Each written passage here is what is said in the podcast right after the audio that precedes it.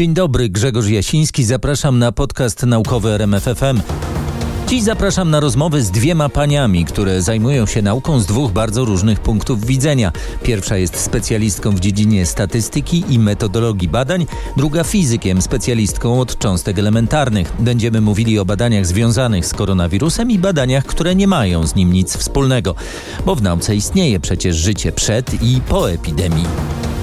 Od co najmniej dwóch miesięcy świat naukowy kręci się wokół koronawirusa. Wyszukujemy, czytamy, relacjonujemy wyniki badań dotyczących skutków infekcji, szans terapii, badań nad szczepionkami, wreszcie sposobów ochrony przed infekcją. O tym, jak odbierać, interpretować te doniesienia, rozmawiam z Janiną Bąk, wykładowczynią statystyki i metodologii badań, autorką książki Statystycznie rzecz biorąc, autorką bloga Janina Daily. Na początek chciałbym zapytać Panią o coś, co myślę dla naszych słuchaczy jest y, y, w tej dobie zainteresowania badaniami naukowymi na temat koronawirusa szczególnie ważne. Y, co powinni rozumieć na temat statystyki, co powinni wiedzieć, żeby w jakiś sposób lepiej rozumieć, co naukowcy w tej chwili do nas mówią? No, y, ja przede wszystkim lubię myśleć i lubię mówić, że z okazji pandemii cieszę się, że trochę zwróciliśmy się w stronę tych statystyk i y, że one stały się ciekawe. Y, no właściwie dla wszystkich i wszyscy zaczęli je śledzić. No niestety teraz również zaczęliśmy skręcać w stronę teorii spiskowych. Ja uważam, że absolutnie najważniejsze jest y, po pierwsze nauczyć się analizować, y, na ile to, co czytamy, jest wiarygodne i rzetelne, czyli zadać sobie pytanie, kto przeprowadził to badanie, czy to rzeczywiście był ośrodek naukowy, czy też um, Kazimierz z Kędzierzyna Koźla w internecie, który nie ma nic wspólnego z metodologią badań. Zastanówmy się zawsze, gdzie to badanie było przeprowadzone, bo mm, to nie jest tak, że jeśli ono zostało przeprowadzone na przykład w Chinach, to dla nas jest bezużyteczne, ale musimy być po prostu ostrożni z ekstrapolowaniem wniosków, bo ja zawsze mówię, że wnioski to nie paprotki, czyli nie możemy ich sobie tak po prostu przesadzać z miejsca na miejsce. Um, no i spójrzmy na próbę, czyli kogo zbadano. I tutaj Zawsze lubię powtarzać, że w przypadku próby nie tylko jej liczba ma znaczenie, czyli jej wielkość, ale również to, w jaki sposób została dobrana. Oczywiście w sytuacji pandemicznej um, nie upieram się przy losowości próby, ale sprawdźmy, czy to byli e, pacjenci wyleczeni, pacjenci leczeni w jednym konkretnym szpitalu, czy z, we wszystkich narodowych szpitalach to wszystko ma znaczenie, więc myślę, że pochylmy się najpierw nad źródłem tego, co czytamy, i wtedy będziemy wiedzieć, czy możemy y, mu ufać lub nie. Mamy problem, bo normalnie możemy się kierować e, takim wskazaniem, że jeżeli jakaś praca ukazała się w recenzowanym czasopiśmie, no to, no to wtedy mamy, mamy gwarancję, że recenzent albo dwóch e, przyjrzało się i dopuściło do druku. A recenzenci, ponieważ są zwykle osobami z tej samej branży, czasem nawet konkurentami, no to zwykle dość y, wnikliwie patrzą y, w tekst. Y, teraz artykuły ukazują się szybko na tak zwanych platformach preprintów, czasem w ogóle bez recenzji. Naukowcy nie mają nic przeciwko, bo uważają, że w ten sposób szybciej można się mm, dowiadywać pewnych rzeczy. No ale to skazuje nas na tę dodatkową niepewność. Jak pani traktuje te preprintowe artykuły w tej chwili? No ja, jasne, że byłoby super, gdyby one wszystkie były recenzowane, z tym, że teraz to trochę chodzi o czas i um, po raz pierwszy to też mnie cieszy, nauka stała się otwarta, bo te wszystkie artykuły są publikowane jak najszybciej po to, żeby naukowcy z wielu różnych krajów pracujących um, i nad lekiem, i nad szczepionkiem mogli się wymieniać no pomysłami właśnie, bo, bo wciąż mamy tu dużo niepewności. Ja uważam, że to jest ok i bardzo właśnie mnie cieszy, że jest e, tak otwarty i jasny przepływ wiedzy, bo e, wcześniej on był zablokowany przez paywall. Zwyczajnie dostęp do takich artykułów e, bywał bardzo drogi, a nie wszystkie instytucje miały równy dostęp czy zakupiły w takim stopniu dostęp do tych baz. Mm, tylko znowu, to uważam, że to nie jest problem tych artykułów, tylko my musimy wiedzieć, że należy do tych odkryć czy wniosków jeszcze podchodzić ostrożnie. I większość takich artykułów w, w, w tej swojej mm, części, gdzie przedstawiają wnioski i rekomendacje, to podkreśla, że to są wstępne badania, że to jest jakiś pomysł, nad którym trzeba pracować.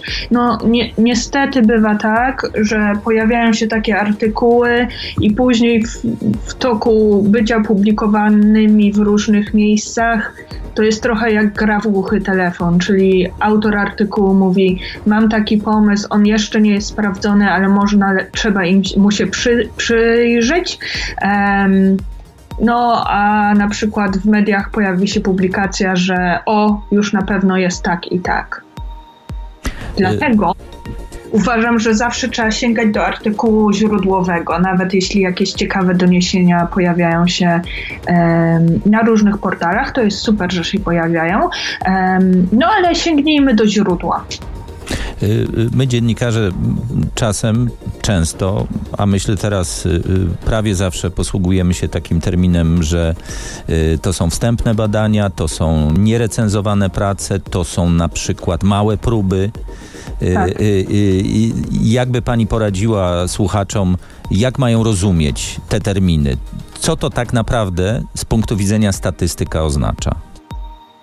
Małe próby nie muszą być tragedią, e, zwłaszcza, że w badaniach społecznych czy epidemiologicznych, no jakby pracujemy z tym, do czego mamy dostęp, więc jeśli to, to jest trochę tak moim zdaniem, nie wiem czy, czy inny naukowiec by się ze mną zgodził, ale moim zdaniem to jest trochę tak jak z tymi artykułami nierecenzowanymi. Jeśli mamy dostęp tylko do małej próby, to i tak sprawdźmy, co tam się dzieje, bo w chwili obecnej y, zarówno my jako y, jako ludzie, którzy muszą sobie radzić z pandemią, jak i naukowcy, poruszamy się po zupełnie nowym obszarze. Dlatego musimy testować różne rzeczy, musimy sprawdzać różne hipotezy i musimy próbować. E, ja zawsze mówię, że nauka trochę oznacza, że nigdy nie jesteśmy pewni i bardzo wiele osób uważa, to, że to jest słabość tej metody. Ja uważam, że to jest jej siła, bo jeśli nie, nigdy nie możemy być pewni, to to prowadzi do jakiejś takiej pokory, że być może się mylimy. Być może ktoś e, za jakiś czas powie: Hej, to jest zupełnie inaczej. I myślę, że właśnie z takimi e, badaniami, które są na małej próbie, albo właśnie przedstawiają jakieś bardzo wstępne wnioski, jest tak samo. To jest po prostu próba. Wszyscy pracujemy nad tym samym, by jak najszybciej ta pandemia się skończyła.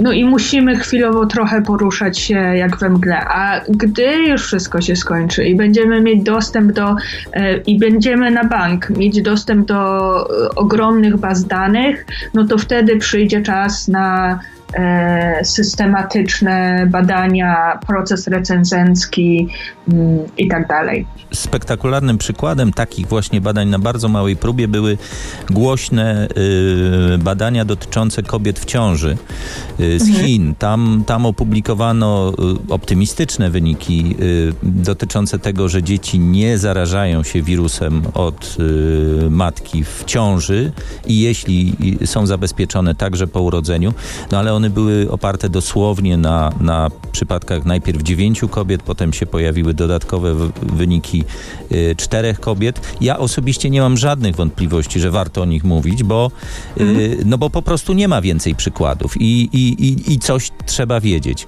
Ale y, odbiorcy tych informacji no, muszą się z tym liczyć, że, że to już jest ekstremalnie mała próba.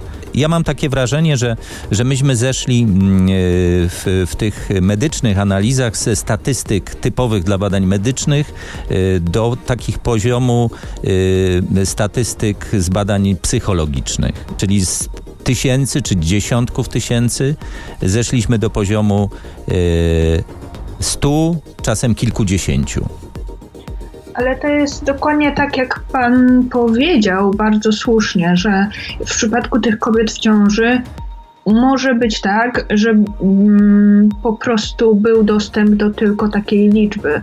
I to jest naturalne w badaniach y, społecznych, że czasem blokują nas względy praktyczne. Czyli na przykład y, nie możemy mieć większej próby, bo nie mamy zwyczajnie dostępu do y, większej liczby konkretnych osób.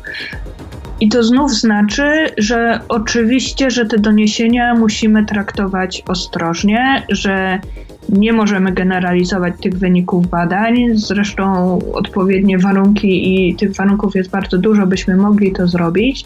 E, moim zdaniem to wciąż są ważne informacje, po prostu musimy je traktować bardzo, bardzo ostrożnie. E, tylko Znowu, chciałabym namówić wszystkich, żeby traktowali je ostrożnie, ale nie skreślali ich już na samym wstępie. Oczywiście może się okazać um, coś zupełnie odwrotnego, ale w chwili obecnej no patrzmy na to, co kombinują naukowcy. E, myślmy o tym z pewną dozą ostrożności, ale wciąż uważam, że no, powinniśmy słuchać nauki, a nie różnych teorii spiskowych albo niestety celebrytów, którzy też zabierają głos e, i próbują leczyć e, wirusa skakaniem na skakance. Ja w chwili obecnej bardzo często widzę takie założenia, że no dobra, ale jak spojrzymy na konkretne liczby, to na przykład w wypadkach e, komunikacyjnych albo na raka umiera znacznie więcej e, osób niż na koronawirusa. To jest bardzo złe myślenie, znaczy przede wszystkim błędne, bo to, co jest problematyczne w koronawirusie, to jego zaraźliwość. Mamy odpowiednie współczynniki, które mierzą, jaka jest e, zaraźliwość wirusa, czyli jedna, ile średnio jedna jedna osoba zaraża osób. I teraz um, Nowa Zelandia, która wprowadziła bardzo szybko, bardzo um, poważne restrykcje, w chwili obecnej e, właściwie pozbyła się epidemii. I w ich przypadku ten wskaźnik zaraźliwości wynosił jakieś poniżej 1. W naszym przypadku w Polsce naszym zadaniem jest tę krzywą wypłaszczyć i nie chojrakować. Jakby ja rozumiem, że to jest trudne siedzieć w domu, pogoda jest piękna, ale naprawdę starajmy się trzymać tych e, obostrzeń, bo w tej chwili tak naprawdę od nas wszystkich zależy, kiedy to się skończy. Proszę mi powiedzieć jeszcze y, y, o jednej sprawie, która jest istotna, y, gdy obserwujemy wyniki badań naukowych i, i, i czytamy to, co tam jest napisane. Różnice między korelacją a, a wynikaniem. To, że coś się może z czymś wiązać, nie oznacza, że coś z czegoś wynika. Jak sprawdzić, że coś z czegoś wynika?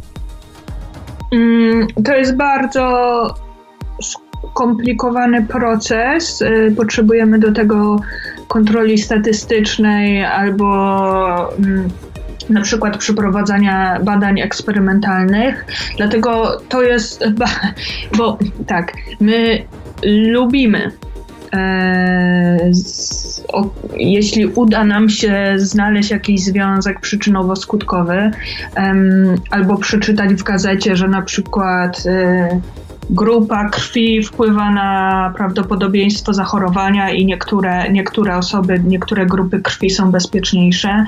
Niestety nie, najczęściej jest to błąd i w tych wszystkich badaniach, w tych wszystkich doniesieniach mówimy o korelacji, czyli jest jakiś związek, należy mu się przypatrzyć bliżej, ale absolutnie nie możemy mówić o związku przyczynowo-skutkowym i co, co chciałam powiedzieć ciekawe, ale przede wszystkim ważne, nawet bardzo silna korelacja nie oznacza związku przyczynowo-skutkowego, bo to też jest bardzo częsty błąd, że widzimy, o korelacja, ten współczynnik korelacji jest bardzo wysoki, no to musi być związek e, przyczynowo-skutkowy. Nie, to oznacza, że jest związek, ale trzeba by się jemu dalej przyjrzeć. I znowu jestem pewna, że mnóstwo ośrodków naukowych to robi i będzie robić.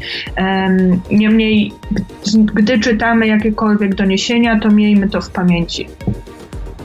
Wspomniała Pani o tym, że przyjdzie taki czas, kiedy y, będzie można się znowu pochylić nad, nad wynikami badań, przeanalizować je. Jest coś takiego jak badania przeglądowe, kiedy naukowcy y, sprawdzają w literaturze, co napisano na dany temat. Mówi się, że to są tak naprawdę prace bardziej wiarygodne, bo one zbierają dużo większą próbę. Kiedy pani liczy na to, że takie pierwsze już naprawdę przeglądowe prace się pojawią? E, one już się pojawiają, takie mm, przeglądowe, które próba, próbują właśnie zobaczyć stan wiedzy w, no, na świecie, bo takie prace przeglądowe, one są w sumie takim pierwszym, najprostszym badaniem, które możemy przeprowadzić, czyli po prostu patrzymy, co różne osoby lub ośrodki badawcze już wiedzą um, i tyle i próbujemy wyciągnąć na, na, ten, na tym przykładzie bardzo ostrożne wnioski. E, ja ra, raczej e, liczę na to, że teraz będziemy mieć znacznie więcej prac e, właśnie analitycznych, gdzie będziemy się zastanawiać, jakie zmienne niezależne, czyli jakie czynniki mają znaczenie dla śmiertelności albo rozwoju epidemii.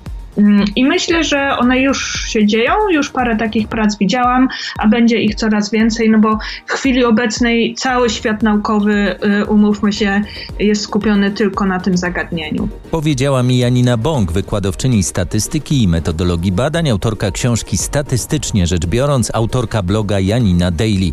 Ale oczywiście inni naukowcy też nie próżnują i czasem odkrywają bardzo ważne rzeczy. Międzynarodowy zespół naukowców wykorzystujących specjalny detektor T2K w Japonii zdobył nowe dowody na łamanie symetrii między materią i antymaterią w oscylacjach neutrin. To praca, która może pomóc zrozumieć, dlaczego we wszechświecie obserwujemy znacznie więcej materii niż antymaterii. W badaniach, które mogą pomóc wyjaśnić jedną z największych zagadek naukowych współczesności, biorą udział polscy naukowcy, m.in. dr Marcela Batkiewicz-Kwaśniak z Instytutu Fizyki Jądrowej Polskiej Akademii Nauk w Krakowie. Poprosiłem ją o wyjaśnienia. Państwa badania i Państwa odkrycie yy, może pomóc wyjaśnić jedną z największych zagadek yy, yy, naszego wszechświata, to znaczy od, mogą dać odpowiedź na pytanie, y, dlaczego y, y, w tym naszym wszechświecie jest przede wszystkim materia, a tak mało widzimy antymaterii, czyli badania niezwykle drobnych cząstek, niezwykle ulotnych, mogą tak naprawdę pomóc zrozumieć coś globalnego, wielkiego. E, tak jest. E, my badamy w eksperymencie T2K coś, co się nazywa oscylacje neutrin i w tych oscylacjach neutrin e, z, zmierzyliśmy z pewnym prawdopodobieństwem, że różnica między zachowaniem materii a antymaterii może być bardzo silna. I to jest pierwszy trop, że, że, że ta symetria może być, może być tak silnie niezachowana, bo do tej pory w mikroświecie y, widzimy, że większość procesów jest symetryczna, czyli taka sama dla cząstek materii i dla cząstek antymaterii. Y, no, już wcześniej widzieliśmy pewne różnice, ale one były o wiele za małe, żeby wyjaśnić, dlaczego y, materia, jest, jest tak duża przewaga materii. A tutaj mamy pierwszy raz wyniki, które wskazują, że że dla neutrin i dla ich oscylacji te, ta różnica może być e, właśnie bardzo duża, czyli bliska maksymalnej możliwej różnicy. To by miało oznaczać w takim razie, że powstawanie materii jest jakby bardziej prawdopodobne niż, niż antymaterii, czy utrzymywanie się materii y, jest bardziej prawdopodobne niż, niż utrzymywanie się antymaterii. Czy dobrze rozumiem? E, to znaczy, gdy patrzymy wokół, to widzimy, że materii jest mnóstwo, a antymaterii bardzo niewiele. Wszystko jest zbudowane z materii, cały wszechświat jest zbudowany z, ma z materii, a właśnie ta antymateria no, jest tylko w niewielkich ilościach. Bo jeżeli w wielkim wybuchu powstawało, czyli w momencie narodzin wszechświata powstawałoby tyle samo materii i antymaterii, to ona by zanihilowała ze sobą i nie zostałoby nic, więc musi być jakaś asymetria, tylko że my jej do tej pory nigdy nie zaobserwowaliśmy. E, przynajmniej w niewystarczającym stopniu. A tu jest y, mm, właśnie pierwszy wynik, który wskazuje na to, że właśnie tutaj może być, ta różnica może być wystarczająca. To jeszcze jest, to jest jeden krok w stronę właśnie zrozumienia, dlaczego wszechświat istnieje. E, oczywiście to jeszcze, to jeszcze nie jest wszystko, e, bo mm, muszą być też spełnione inne warunki, ale to jest, ale ten jest jednym z nich, jest jakby niezbędnym warunkiem jest, jest właśnie istnienie tej różnicy. Państwo prowadziliście doświadczenia, eksperymenty w Japonii. Tam jest takie specjalne mm, laboratorium. Proszę coś więcej o nim opowiedzieć, bo to, y, bo to jest niezwykle interesująca y, sprawa. Te, te cząsteczki tam bada się po krótkim dystansie i po bardzo długim dystansie. E, tak jest. Ten eksperyment, w którym, w którym pracuję, nazywa się T2K. To y, rozwinięcie tego skrótu to jest Tokai Tukamioka, ponieważ bada, się tam, bada się tam wiązkę neutrin, która wysyłana jest z miejscowości Tokai. Y, na wschodnim wybrzeżu Japonii. Tam ona jest produkowana dzięki, za pomocą układu akceleratorów w ośrodku J-Park. I właśnie po kilkuset metrach jeszcze przed zajściem oscylacji jest badana przed, przez układ bliskich detektorów, żebyśmy wiedzieli w zasadzie dokładnie co mamy na początku. E, później ona pod ziemią e, przechodzi, e, jest przesyłana na zachód w kierunku detektora Super Kamiokande. On jest odległy od 300 km, znajduje się w górach japońskich, w kopalni 1000 metrów pod, pod szczytem tej, tej góry i tam bada się tą wiązkę już po zajściu oscylacji. Nie potrzebujemy tam żadnego tunelu, bo, bo neutrina to takie cząstki, które praktycznie nie oddziałują z materią, więc one po prostu tak sobie przelatują przez wszystko, co, co jest po drodze. E, tak jest, dokładnie. To są bardzo słabo oddziałujące cząstki i też dlatego mm, to są w ogóle najpowszechniej, najliczniejsze cząstki we wszechświecie, a długo w ogóle nie wiedziano, że one istnieją. Właśnie dlatego, że, że one tak, tak słabo oddziałują i też to, że tak słabo oddziałują powoduje, że przenikają przez praktycznie wszystkie przeszkody. Nie, nie można zbudować żadnej osłony, która by nas chroniła przed neutrinami, czy też zatrzymywała neutrina, ale z drugiej strony też nie potrzebujemy żadnej osłony, ponieważ neutrina też przechodzą przez nasze ciała, nie robią nam żadnej krzywdy.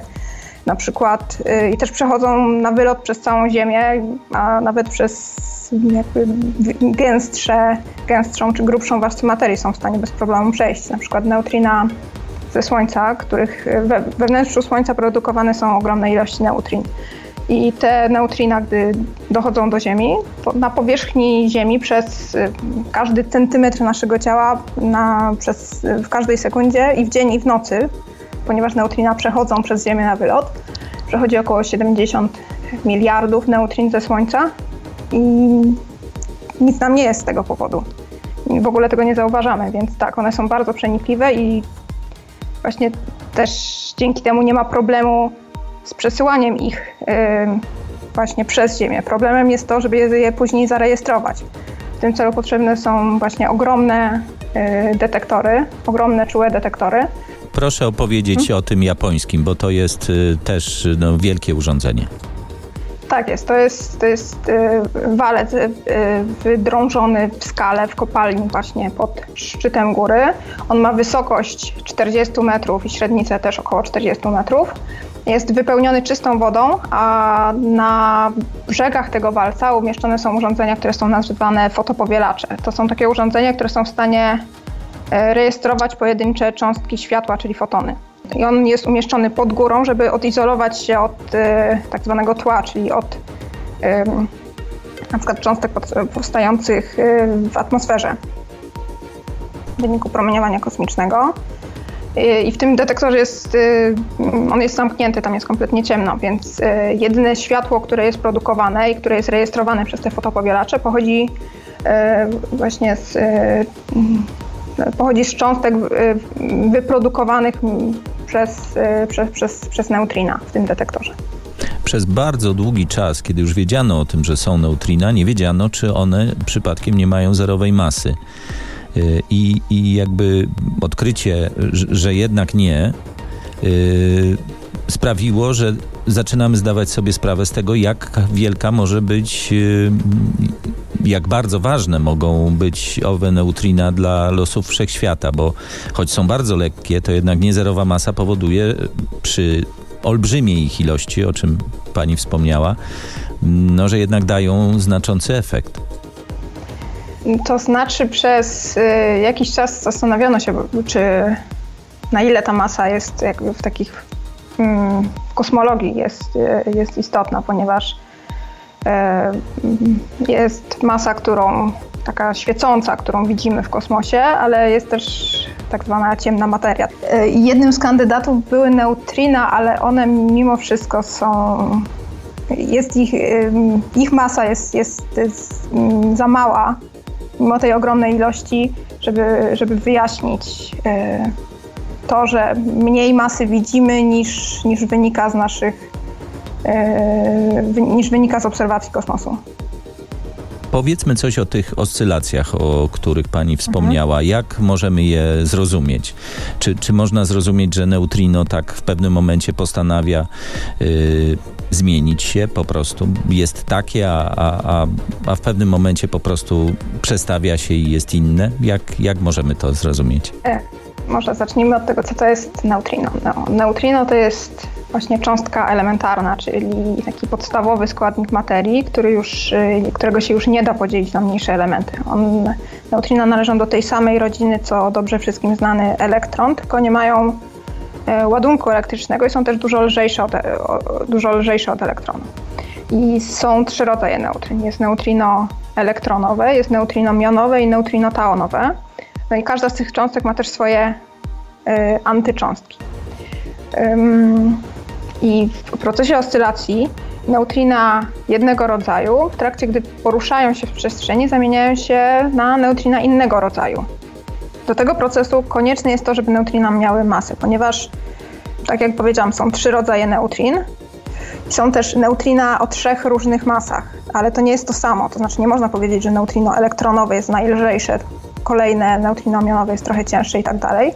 Tylko one są y, mieszaniną tych, y, tych stanów, czyli y, neutrino elektronowe jest w pewnym procencie tym najlżejszym, w innym procencie tym cięższym i w jeszcze innym procencie tym, tym, tym najcięższym. I to sprawia, że mm, poruszając się, ten nie, tak jakby skład y, neutrin, on się, on, się, on się zmienia w trakcie poruszania się w przestrzeni.